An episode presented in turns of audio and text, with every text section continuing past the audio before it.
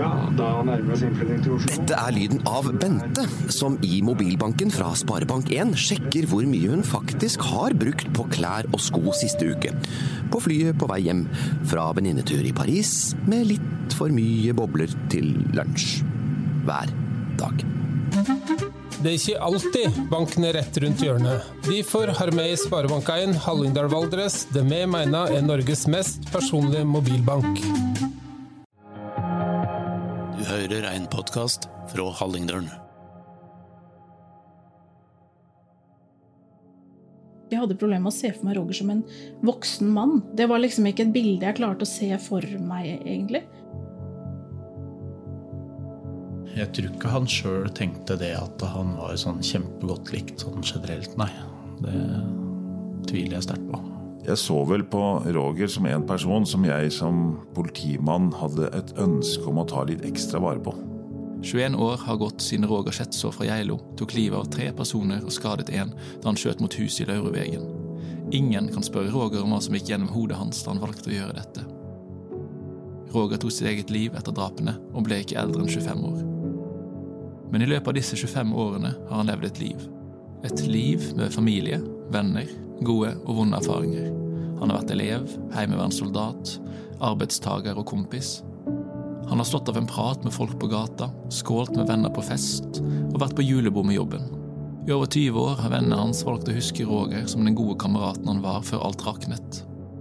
Men for alle oss andre har han kun vært et navn i avisene, en massedrapsmann. De som kjente han aller best, har sittet igjen med store, ubesvarte spørsmål. Var det noe tegn? Noen ting han har sagt om seg selv og hvordan han hadde det, som i ettertid har blitt vanskelig å glemme. Livet hans før tragedien hører med til historien, og det skal du få høre mer om nå. Dette er Røynda, Hallingdølen sin historiefortellende podkast. Du hører siste del i serien om trippeldrapet på Geilo, og mitt navn er Elias Dalen.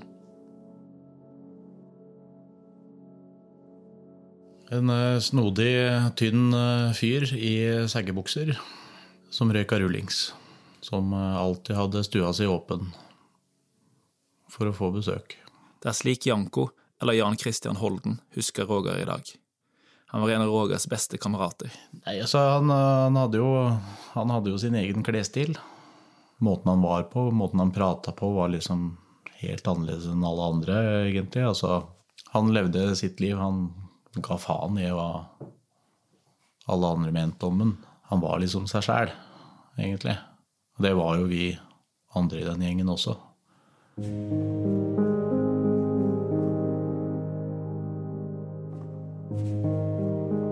Vi backa jo alltid hverandre opp. Vi lo mye. Hadde det mye gøy. Vi var jo liksom en utadvendt, samtidig innadvendt gjeng. Eh, når vi holdt for oss sjøl, så holdt vi oss for oss sjøl. Og det var egentlig da vi hadde det mest moro. Roger og flere i vennegjengen var glad i gaming, noe de ofte gjorde hjemme hos han eller i Tufterkjelleren. I noen spill var Roger så god at Janko bare ble sittende og se på, mens andre ganger var det Janko som satt på kunnskapen. Han hadde jo også et lite ønske om å ha lappen og kjøre bil. Han syntes det var litt kult. Han øvelseskjørte jo litt med meg sånn en sjelden gang, men, men det var vel mest den derre dataspillbiten, altså. Den, og PC. Han hadde peiling på PC. Han kunne mye. Var det noe jeg trengte hjelp til med en PC, liksom, så kunne jeg jo spørre han. Roger trivdes godt på kjøkkenet, Om en far som jobbet store deler av livet som kokk, er kanskje ikke det så rart. Han uh, har gitt meg noen tips som jeg bruker fortsatt en dag i dag på å lage mat. så...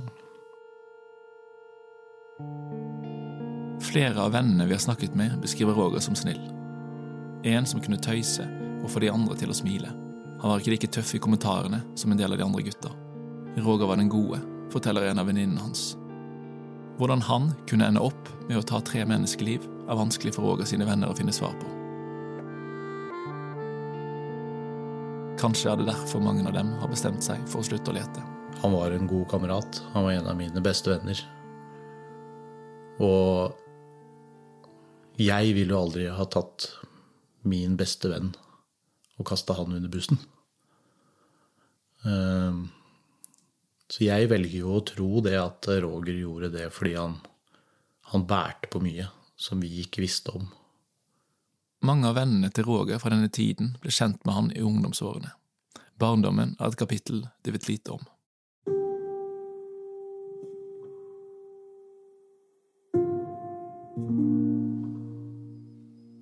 Jeg husker eh, det hvor glad han spesielt var i mamma. Storesøsteren Aina flyttet tidlig fra barndomshjemmet på Geilo. Roger var bare elleve år da hun dro, så det var i de første årene av livet hans at Aina var tettest på lillebroren. Schätzow-familien var også innflyttere. På 70-tallet startet foreldrene et liv på Geilo etter å ha fått jobb på Bardøla hotell. Han som kokk og hun som servitør. Etter hvert ble de til en familie på fem. Han var glad i familien sin. Veldig glad i familien sin. Og var veldig opptatt av at eh, pappa skulle ikke snakke med nabodamene, fordi det var bare mamma som var liksom i pappa sitt liv. Så det, han var litt sånn eh, Nei, skulle verne om familien. Jeg husker vel mest den lille irriterende lillebroren som elsket å plage meg og Wenche. Eh, som egentlig de aller fleste lillebrødre gjør med sine storesøstre. Hvor gjerne han ville liksom være med meg og Wenche. Vi ville jo ikke alltid være med han. Det var jo ikke noe gøy å henge, henge med lillebror. Leken ble som regel på storesøstrenes premisser. Som eneste gutt og yngstemann endte Roger ofte opp som sminkedukka til Aina og Wenche. Ofte dro de tre søsknene på tur i nabolaget på egen hånd med niste i sekken. Iblant var det kvalitetstid med hele familien. Vi spilte en del kort i familien, og noe brettspill. Og det syntes han var veldig stas. For da var liksom familien samla. Det, det likte han veldig godt. Han var en veldig snill gutt, men han hadde også temperament. Urettferdighet eh, kunne gjøre han veldig sint. Han hadde det jo ikke sånn kjempegreit på skolen, eh, men det Det nektet han å snakke om. Det ville han ikke dele. Alle personene vi har snakket med, forteller at Roger ble mobbet på skolen. Men han fortalte aldri folk rundt seg hva som plaget ham. Aina kan huske at han som liten gutt hadde veldig utstående ører. Da han fikk operert disse, var Roger stolt. Det skulle bli så mye bedre. Hvis man vil hakke på noen, så finner man noe eh, å hakke på. Ifølge mamma. Han spiste jo som en hest, men han eh, Altså, han spiste masse mat, men han la liksom aldri på seg. Han var veldig, veldig spinkel og tynn. Etter hvert bygger Schätzow-familien seg hus. Det var stas for søsknene å få egne rom, og de trivdes godt i sitt nye hjem. Det lå kun et lite steinkast fra huset i Lauruvegen, der Roger etter hvert skulle henge sammen med vennegjengen. Men selv i et nytt og godt hjem merket Aina og søsknene at hverdagen deres ikke var som alle andre sin. Men vi hadde dårlig råd, og vi hadde ikke bil. Eh, vi hadde ikke telefon før jeg gikk i syvende klasse. Vi hadde ikke oppvaskmaskin, og det er klart at sånne ting, det får man jo høre, da. Mens begge storesøstrene flyttet bort for å bygge sine egne liv, ble Roger for det meste igjen på Geilo. Med unntak av noen mindre opphold utenfor Hallingdal, hvor han stort sett er hjembygda. Etter å ha fullført førstegangstjenesten blir han en del av Heimevernet. Han bor også en kort periode i Oslo. Likevel er det akkurat som han sliter med å finne ut av ting. Der andre er godt i gang med å stake ut en kurs mot sine mål, kan det virke som Roger står litt fast. Vi hadde ikke veldig mye kontakt. Eh, han bodde jo en stund i Oslo. Jeg husker han kom og spiste middag blant annet hos meg og min daværende samboer. Roger snakket aldri om ambisjoner og skole. Vi hadde liksom ikke de samtalene. Jeg, jeg fikk vel inntrykk av at han var litt sånn rotløs. Han fant liksom, sleit litt med å finne ut av hva han skulle gjøre. Eh, og dette høres kanskje veldig veldig rart ut, men jeg har hatt problemer Jeg husker jeg hadde problemer med å se for meg Roger som en voksen mann.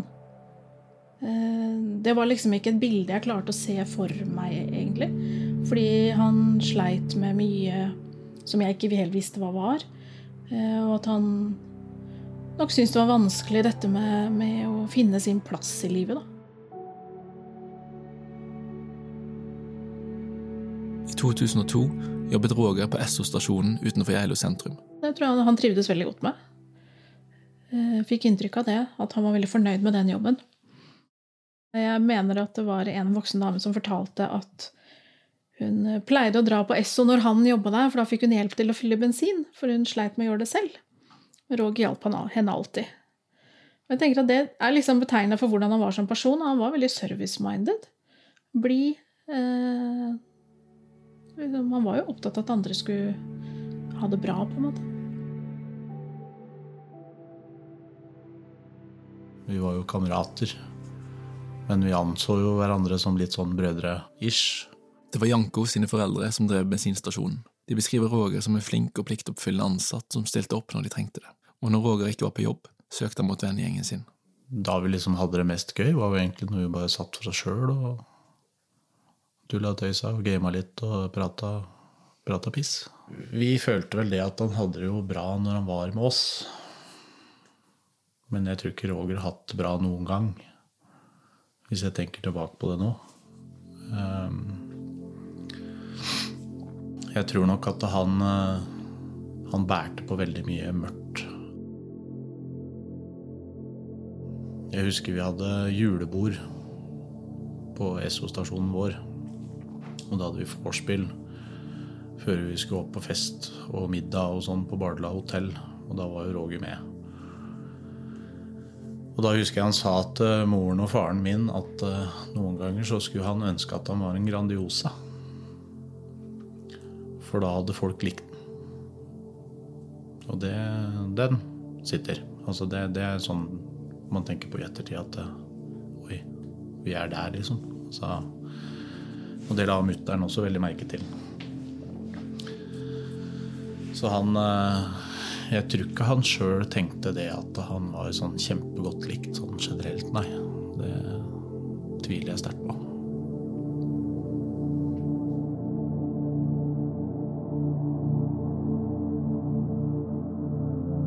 Den 12. januar 2002 mistet Janko mye. Mens skuddene haglet i etasjen over ham, lå han i over én time og fryktet for livet sitt. En slik opplevelse setter spor. Det er lenge siden han har blitt skremt av at noen smeller igjen lokket på en søppeldunk litt for hardt. Men da terroren rammet Oslo og Utøya i 2011, satt Janko klistret til TV-skjermen i tre døgn mens han gjenopplevde sine egne traumer. Det tøffeste tilbakefallet skjedde likevel kort tid etter skytingen, da han selv skulle bli far for første gang. Kjæresten Pernille var også til stede i kjelleren den januarnatten, hvor de gjemte seg for Rogers skudd. I juni 2002 fødte hun deres sønn. Jeg var på sykehuset og tok imot min sønn, så var jo det Det var jo helt fantastisk, det, sjølsagt. Men jeg hadde en Jeg hadde, fikk jo da et tilbakefall. Like etter fødselen var Janko tilbake på Geilo som nybakt pappa i en alder av 23 år. Denne kvelden kommer det en kraftig storm over Geilo, og lynet slår ned i nærheten av leiligheten hans. Janko får panikk og prøver å ringe foreldrene sine, men kommer ikke gjennom fordi kontantkortet på telefonen er tomt for penger. Da opplevde jeg hele den kvelden på, i kjelleren til Tufto, i stua. Og der sto jeg helt til telefonen ringte, og det var Pernille. Hun skjønte at det var noe gærent. Så jeg ba henne ringe mine foreldre, for jeg turte ikke å bevege meg i det hele tatt. For jeg trodde at det var noen som kom for å ta meg. Så det, det er det jeg husker mest med at jeg blei pappa. Er den der episoden der hvor det slo ned i nabohuset, og jeg gjenopplevde alt i løpet av noen minutter. Og det var helt jævlig.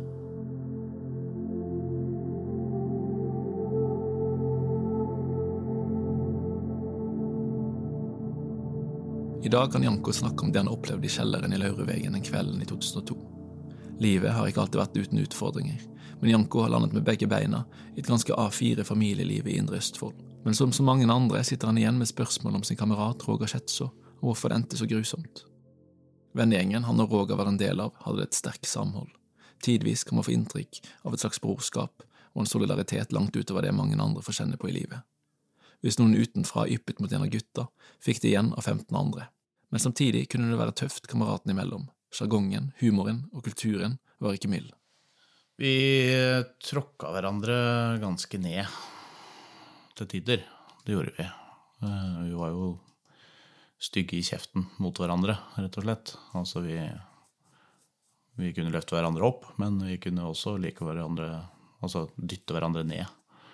Det var fort gjort, det. Man hadde liksom ikke noen hemninger på hva man kunne faktisk finne på å si til hverandre. Men mye av det var jo kødd. Mens noen ganger så ble det kanskje litt for mye, da. Hvor man ikke oppfatta det som kødd, da, ikke sant. Som ungdom var Janko ordknapp, og ikke særlig opptatt av å sette velvalgte ord på egne følelser. Gjengen snakket aldri om livets store spørsmål over en øl eller mens de gamet. En ting Roger likevel fortalte til Janko, var at han var jomfru lenge. Det synes han var vanskelig. Flere av de andre guttene i gjengen hadde damene etter seg og hadde høy selvtillit på fest. Roger holdt seg ofte i bakgrunnen. Å kødde på hverandres bekostning var hverdagskost, og noe gutter stort sett kunne le av. I ettertid kan likevel tvilen komme krypende. Var dette den rette vennegjengen for en person som Roger Schätzer? Både ja og nei. Ja, fordi vi var, vi var jo gode kamerater. Men nei, fordi vi var så mye var med hverandre. Det er ikke som tåler alt. Jeg så jo aldri noe vondt i Roger som en kamerat. Men tanken endra jo seg, da. Selvsagt. Men uh, vi sto jo alltid sammen. Og hvis ikke Roger var der, hvor skulle han ellers ha vært? Janko tenkte iblant på hva som kunne ha skjedd hvis han aldri hadde forlatt Roger sin bursdagsfest den 12. januar 2002, selv om kompisen var rasende og hev alle vennene på dør. Hadde, hadde jeg bare påtvunget meg om å bli igjen, da, for å si det på den måten der, Eh, hva er det som hadde skjedd da? Eh, hadde alt det gått utover meg, det sine her? Hadde det ikke skjedd? Ikke sant? Jeg prøvde å rekke ut en hånd, og han takka nei. Men eh, det jeg tror, er at da hadde han allerede gjort valget sitt. Det er der skytinga starta, egentlig. I den kjelleren, under den krangelen. Når han kasta oss ut. Da tok han valget tror jeg. Jeg har jo tatt et valg når det gjelder Roger, om at eh, jeg lever i fortrolighet om at han, han gjorde det han gjorde. Fordi han bærte på mye vondt. Han gjorde ikke det for at han skulle ta oss.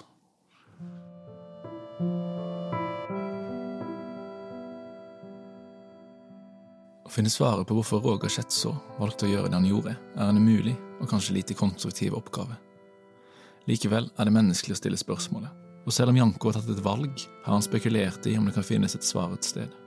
I alle fall en slags forklaring på hva Roger følte idet han tok på seg uniformen, fant fram tjenestevåpenet sitt og satte kursen mot Laurevegen. Jeg veit jo også at Roger hadde jo skrevet et brev til foreldra sine før han gjorde dette her. Og det husker jeg spurte om å få lese. Eh, men det fikk vi aldri. Hvorfor, det veit jeg ikke. Hva som sto i brevet der om Og det har han jo spekulert i mye sjøl, om eh, Er det fordi det sto noe i det brevet som omhandla oss? Som vi ikke fortjente å vite, eller burde vite? Var det vår skyld? Eller var det bare for mye.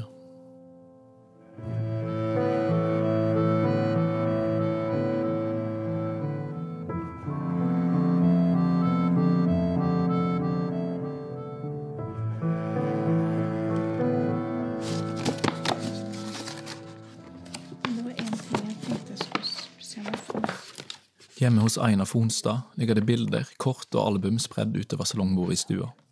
Et lite bibliotek med innhold fra et 25 år langt liv. Bilder fra Rogers barndomsår, familieferier og konfirmasjon. Her er også bildene fra bursdagsfesten hjemme hos Roger, men stemningen fremdeles var god. På et av bildene skåler Roger med brødrene Christian og Erling David Tufto og Lars Henrik Haugerud. På et annet sitter han i sofaen, halvveis på Christian sitt fang og med armen rundt to jenter. Han har kortbarbert hår, er kledd i en blå baseballtrøye med røde og hvite striper og har en tatovering på underarmen. I den ene hånden holder han en sigarett mellom fingrene, og i den andre en glassflaske med øl, og han smiler lunt. Han er blant venner. Blant alle minnene som ligger brettet ut foran oss, er også et bilde av Aina og vennegjengen. Hun ligger på tvers over fanget til Roger og kameratene. Ja, her er det bildet jeg nevnte. Herregud. Dette var nesten litt eh, flaut kjent. Dette er jo lenge før den festen. Ja. Det, er jo år, det er jo noen år før den festen. Men det er Erling Ja, det er Roger, og det er Christian. Men jeg hadde, en, jeg hadde jo en sånn inntrykk av at han var eh, inkludert. Og det hadde han jo ikke opplevd så mye før. Eh, så jeg tror nok det var veldig, veldig fint, da. I bunkene av det som kan dokumentere lillebrorens liv, finnes det også noe langt mørkere. Alle avisene fra de vonde dagene for 21 år siden. Forsidene med bilder av Roger og spekulative titler i fet skrift. Avisene hun ikke ville at søsteren skulle se da hun kom hjem fra USA. Hvorfor tror du du har tatt vare på alle de avisene? Hvorfor jeg har gjort det? Godt spørsmål. Jeg vet ikke hvorfor jeg egentlig har tatt vare på det. Jeg tror det er eh, Jeg vet ikke, jeg tror bare ikke jeg har hatt hjerte til å kaste de. Og hver gang jeg rydder i boden, så blir de fortsatt liggende i boden. Hva tenker du om det? Det er en viktig del av mitt liv. Det er en veldig Ja. Det er jo noe som preget henne i veldig lang tid, da. Aina har flyttet flere ganger siden 2002. Hver gang har avisene blitt med. Pakket trygt ned i en eske og fraktet videre sammen med resten av flyttelasset. Det samme har en kopi av det siste Roger skrev. Brevet som Janko spurte om å få lese. Det brevet han skrev Eller brev og brev. Én, to, tre. I brevet peker verken Roger på vennegjengen eller det han har tenkt å gjøre. Konflikten som oppsto under bursdagsfesten hans, er ikke nevnt. Brevet er kun en kjærlighetserklæring til sine nærmeste. Til moren, faren og sine to søstre. Det gir ingen forklaring. Det, det gjør ikke det. Det var mer at han ikke orket lenger selv. Men det er ganske stor forskjell på ikke orke å leve lenger selv til å utføre det han gjorde. Det, det må vi bare leve med. Rett og slett.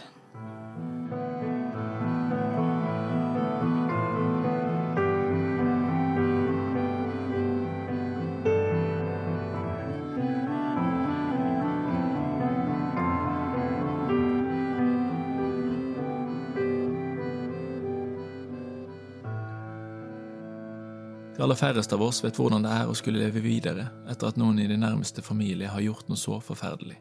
I et lite lokalsamfunn der alle kjenner alle, der du møtes på butikken, i gatene og utenfor legekontoret, der alle vet hvilken familie du tilhører og hvilket etternavn du bærer.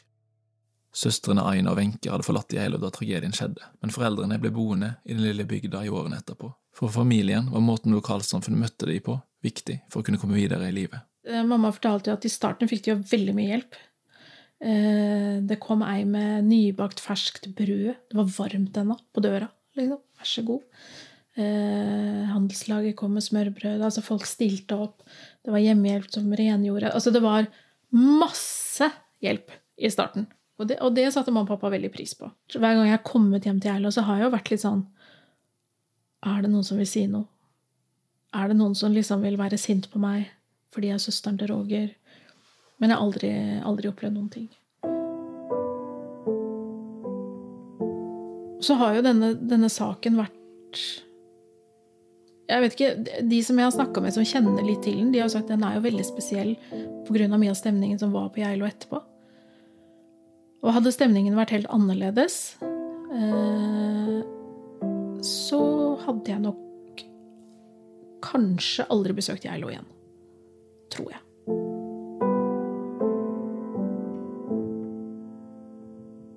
Samtidig som Aina måtte sørge over tapet av sin lillebror, måtte hun også forholde seg til det som skjedde den januarnatten i 2002. Det har kanskje vært det aller tøffeste. Men det han gjorde, det, det har vært veldig vanskelig.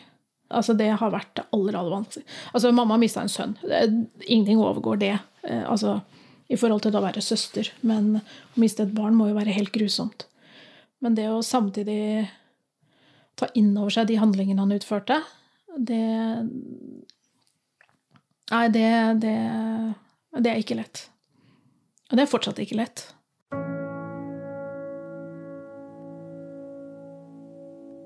Vi kan aldri, eller i hvert fall for min del, jeg kan aldri tilgi handlingene. Det, vil være For meg så blir det nesten liksom å Hvis jeg tilgir handlingene så aksepterer jeg dem på en måte. Men jeg kan jo aldri akseptere de handlingene. Eh, fordi det har voldt så mye smerte for andre.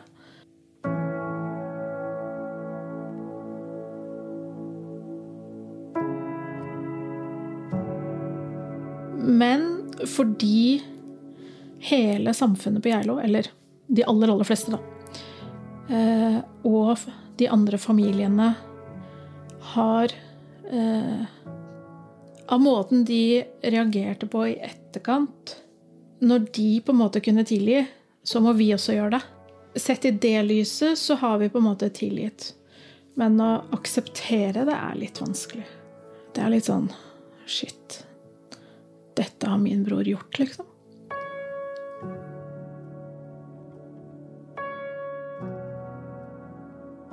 Jeg tror ikke han hadde det veldig bra. Han hadde nok mange bra stunder, og det var nok mye bra i livet hans. Men jeg tror innerst inne at han egentlig ikke hadde det noe særlig bra. Og hvis han hadde klart å åpne litt opp og, og få noen å snakke med og få sortert og, og, og følelser og tanker og sånn, så tror jeg kanskje det hadde gått veldig, veldig annerledes. Da tror jeg vi hadde hatt en helt frisk gutt og fire mennesker fortsatt i live. Det er menneskelig å prøve å finne svar på hvorfor folk dreper, særlig som journalist. Svaret som gikk igjen i landets aviser for 21 år siden, var det som skjedde på Rogers bursdagsfest. Medienes dekning den gangen gir et inntrykk av at Roger ble til en massedrapsmann på grunn av en spritkrangel. Det er ikke denne historien de som kjente Roger forteller i dag, men begeret ble fulgt. Et beger som gradvis fylte seg opp fra barndommen og fram til det mørkeste kvelden. Kanskje det var følelsen av å ikke være god nok, sterk nok eller kjekk nok, eller følelsen av ikke finne ut av ting, men alltid bli forbigått. Petter Bråten er blant de som har spurt seg hvordan det kunne gå så galt. Han var konstituert lensmann og var først på stedet da drapsalarmen gikk. Som politibetjent i bygda kjente også han til Roger før det hele skjedde. Jeg hadde et veldig godt forhold til Roger Kjøtså. Han og jeg vi kunne stoppe på gata og prate, ha en lang prat sammen. Jeg så vel på Roger som en person som jeg som politimann hadde et ønske om å ta litt ekstra vare på. Petter husker godt den siste samtalen han hadde med Roger. Det var dagen før drapene, da han var innom Esso-stasjonen der Roger jobbet. Og da var han så fornøyd han var liksom så, så oppglødd. Og så, så det var det hyggelig å, å, se at han var så, var så, glad, da. Så jeg lurte på hva som hadde skjedd. Nei, da, da hadde han eh, Jeg tror han kalte seg sjøl for å ha blitt utpekt som IT-sjef på Esso. Han var liksom ansvarlig for dataen på, på eh, bensinstasjonen. Og det syns han var både en, eh, et ansvar og en, en tillitserklæring som jeg tror gjorde han veldig godt. Mye av historien om Roger Schetzo er og forblir et mysterium. Men det finnes noen små fragmenter av et stort og komplisert bilde man kan prøve å pusle sammen. Sett i lys av det man vet i dag, går det an å oppdage eller forebygge før det er for sent. Jeg tenker det er lærepunkt for politiet, og det er lærepunkt for et lokalsamfunn i forhold til det med å hindre utenforskap. Det å inkludere alle. Det å se alle mennesker.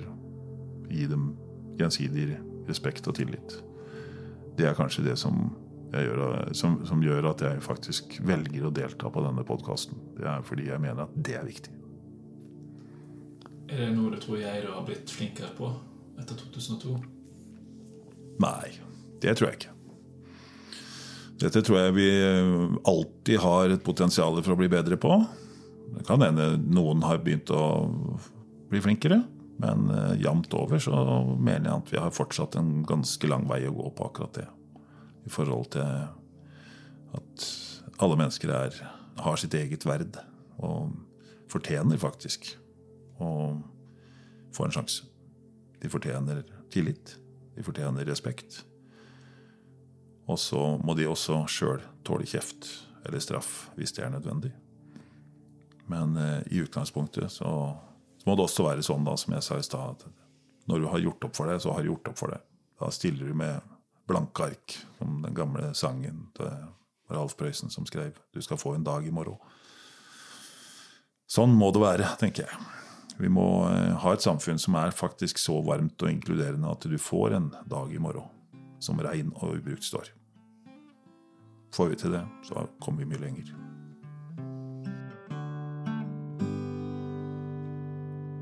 Jeg tror aldri har spilt den før, men jeg kan prøve. Det var en liten gutt som gikk og gret og var så lei. Han skulle tegne Babil, men læreren han sa nei.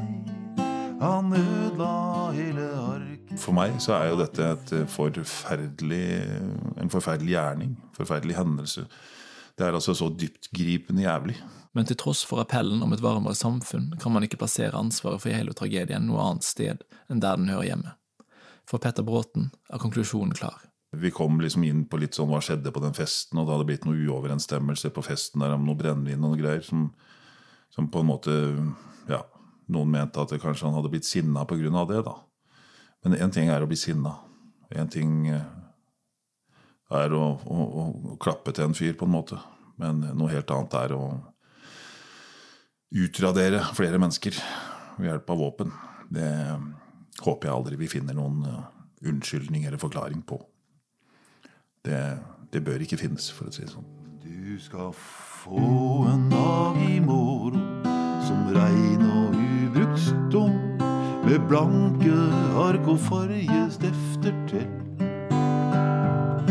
Og da kan du rette opp att alle feila fra i går, og da får Det har gått 21 år siden Jacqueline Tufto mistet foreldrene sine og lillebroren. I dag bor hun i Bagn i Valdres, mens yngstebror Erling David har flyttet utenlands. Jacqueline var sammen med familien bare noen timer før de ble drept. Hun kjente Roger Schett så godt. Han var en av brødrenes mange kompiser, og en av filleonklene til hennes barn. Ikke lenge etter tragedien stilte hun opp i et intervju i et landsdekkende magasin.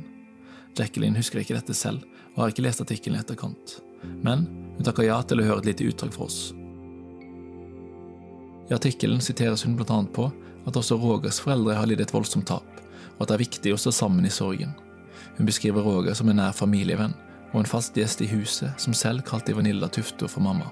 Vi har kjent ham i så mange år, og derfor vet jeg at han umulig kan ha vært seg selv, sier Jacqueline i artikkelen, og legger til at hun ikke føler bitterhet overfor Roger.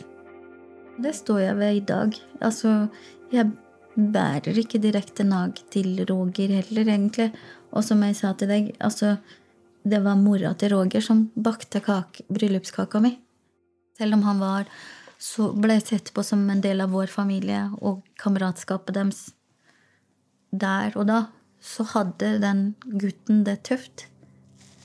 Um, og det burde skolen ha fanget opp. Det burde Heimevernet ha fanget opp. Om det kunne vært fanget opp og endt annerledes, får vi aldri vite. Og selv om verden slik du kjenner den, blir slutt på hodet i løpet av noen få dramatiske minutter, går hverdagen tilbake i samme tempo som før. På det tidspunktet Jacqueline mistet foreldrene og broren sin, var hun gravid med sitt fjerde barn. Plutselig sto hun mer alene enn hun noen gang hadde gjort tidligere. Hver gang det oppsto ting hun ville fortelle foreldrene om, eller da hun trengte deres råd, ble hun konfrontert med at de var borte. Jacqueline har hatt mange tøffe år siden 2002. År hvor hun selv har prøvd å kompensere for det familien har mistet. Hvor hun har kjøpt julegaver fra både seg selv, julenissen og besteforeldrene som ikke finnes lenger. Hun prøvde å være mor, bestemor og bestefar på samme tid, for barna hennes.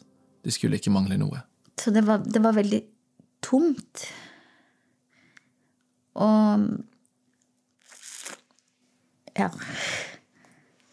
Ikke minst fordi jeg hadde et nyfødt barn. Og jeg trengte hjelp. Jeg trengte mammaen min. Og når hun ikke var der, så ja, gjorde jeg alt jeg kunne for å være til stede for barna mine på best mulig måte. Men så var jeg jo i den boblen, da. Hvor jeg ikke ensa liksom verden rundt meg. I mange år.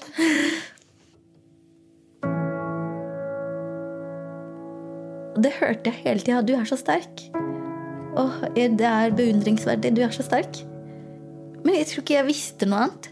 Jeg følte meg ikke sterk, men jeg følte heller ikke at jeg hadde noe valg.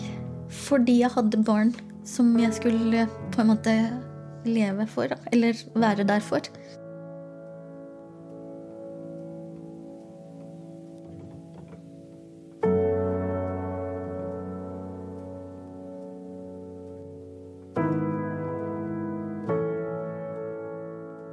Ble tøft å skulle stå i en normal hverdag, slik hun var vant med, med barn, full jobb og det hektiske livet.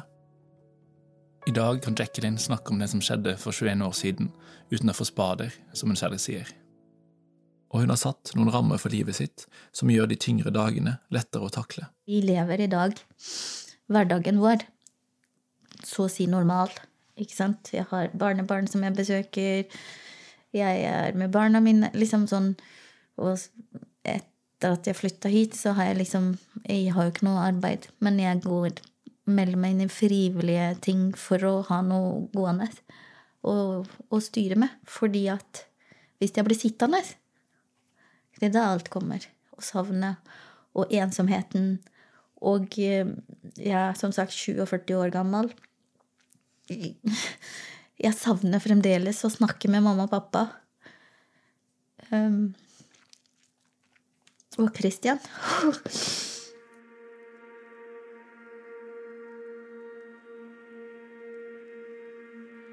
Jacqueline henter en notatbok der hun har skrevet tingene hun vil fortelle om familien hennes, om foreldrene Erling og Vanilla, og hva slags personer de var. Men under navnet Christian er det kun skrevet noen få ord. Resten av siden er blank. Kanskje finnes ikke de rette ordene for å beskrive ham, for det var noe helt spesielt med lillebroren. Han med det krøllete håret, som alltid hadde damen etter seg. Han som masserte føttene hennes når hun var gravid, sliten og lei, og som fikk alle rundt seg til å smile og le. Å sette ord på hvem Christian Tufte var, er vanskelig for Jacqueline, men å se bildene av ham hjelper. Han var også veldig sånn allsidig. Han, alt det han satte seg i huet, det fikk han til. Han kunne sy. Han kunne lage mat. Han kunne spille fotball. Han hadde de alle damene etter seg. eh, og alle gutta var, så opp til han og hørte på han. Liksom Ja. Og jeg tror det at hvis du spør eh, gutta, så sier de det samme. At Christian var den ansvarsfulle og megleren. Så han var veldig flink med mennesker. Og var veldig lett Det var veldig mange som var veldig glad i Christian. Vi blar videre i bildene Jacqueline har funnet frem. Det er først nå ofrene i Geilo-tragedien får et ansikt. Et av bildene er fra torget på Geilo. Det er tatt mens Ivanilda, eller Danussa som mange kalte henne, solgte blomster på sommerhalvåret. Hun har på seg kamuflasjebukser, støvler og en stor, svart skinnjakke. På hodet har hun en skipperlue, og på nesen et par runde, sorte solbriller. Ivanilda står stolt, rakrygget og smiler bredt. Hun var absolutt ikke redd for å synes. Hun var ikke redd for å skille seg ut heller. Hun. Vi har noen sperrer i livet vårt, men ikke hun. Eh, og hun var mer sånn Du får ta meg for den jeg er. Og hvis ikke det er bra nok, så får du bare la være. Og den innstillinga merker jeg nå, i eldre dager, at jeg har det samme, jeg òg. Men før så syntes jeg det var helt forferdelig. Jeg syntes det var dritflaut. Men det var mammaen min, og jeg elsket henne overalt på jord. Selv om hun var litt rar og gjorde meg flau blant vennene mine. Et annet bilde viser Erling Tufto, Jacquelines far. På mange måter den rake motsetningen av den fargerike skikkelsen på Blomstertorget. Han sitter på en stubbe i skogen og ser fredfull ut, i en rutete skjorte og olabukser. I sitt rette ess, da. Han var jo den filosofen, eller den tankefulle, den rolige. Så Så han kunne da gjerne sitte og sette seg ned på en stubbe og drikke kaffe og klø seg i huet og neste prosjekt og planlegge og ja. Og som du sier, han var veldig glad i Det er liksom et godt minne jeg har av pappa. Rutete skjorter. det var jo godt lynne på han, så han var veldig rolig og avbalansert også. Så det var veldig lett å prate med pappa. Og han oppmuntra meg veldig på å gjøre det jeg hadde lyst til, og hva hjertet mitt ville. Tidlig på 2000-tallet hadde Erling Tufto begynt å planlegge livet som pensjonist. Som tidligere sjømann hadde han tjent opp en god pensjon. Planen var å ta med hele familien tilbake til Brasil, der det hele startet. Om kveldene satt han sammen med svigersønnen sin, Jacqueline samboer Narve, og så på hus som var store nok til å romme dem alle. Altså, nå har vi liksom hatt det godt her i Norge og, og liksom jobba oss opp, eller liksom Men, men hun trakta jo hele tida tilbake dit, da. Sant? Og det ville jo pappa òg, for han, hvem er det som ikke liker varme? Um, så da kunne han liksom ha en gård med appelsin og liksom sånn, sånne ting, og litt hester og alt. Men planen var jo å flytte tilbake med oss alle sammen. Men så gikk ikke det, da. Sant? For da skjærte det seg. Men vi hadde planer, og så tett familie var vi at det var det som var planen. Og jeg har jo sagt det til barna mine at den dagen jeg blir borte, så, så skal jeg kremeres. Så skal, jeg, skal de fly meg tilbake til Brasil, for det er der jeg hører hjemme. Og da skal de spre asken min der. Der jeg liksom er født og oppvokst fram til jeg flytta til Norge. Men det er da jeg har røttene mine. Og det har ikke forandra seg ennå, egentlig.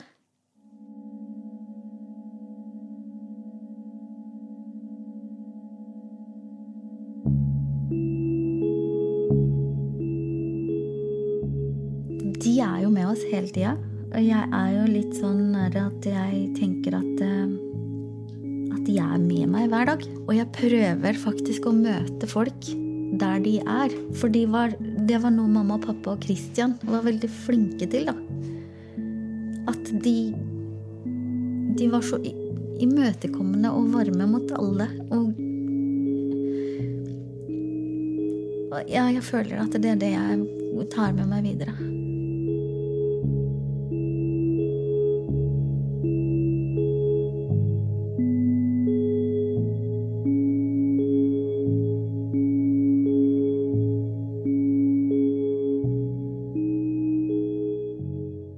Du har nå hørt hele serien om trippeldrapet på Geilo, som er en del av Hallingdølens historiefortellende podkast Røyna. Vi vil rette en stor takk til alle som har medvirket i denne podkasten, og som takket ja til å fortelle sin historie. Vi vil også takke deg som har lyttet til denne historien. Trippeldrapet på Geilo er laget av meg, Elias Dalen, og journalist Anna Huseby. Ansvarlig redaktør i Hallingdølen er Lillian Holden. Hvis du vil lese mer om denne saken eller se bilder, gå inn på hallingdolen.no podkast.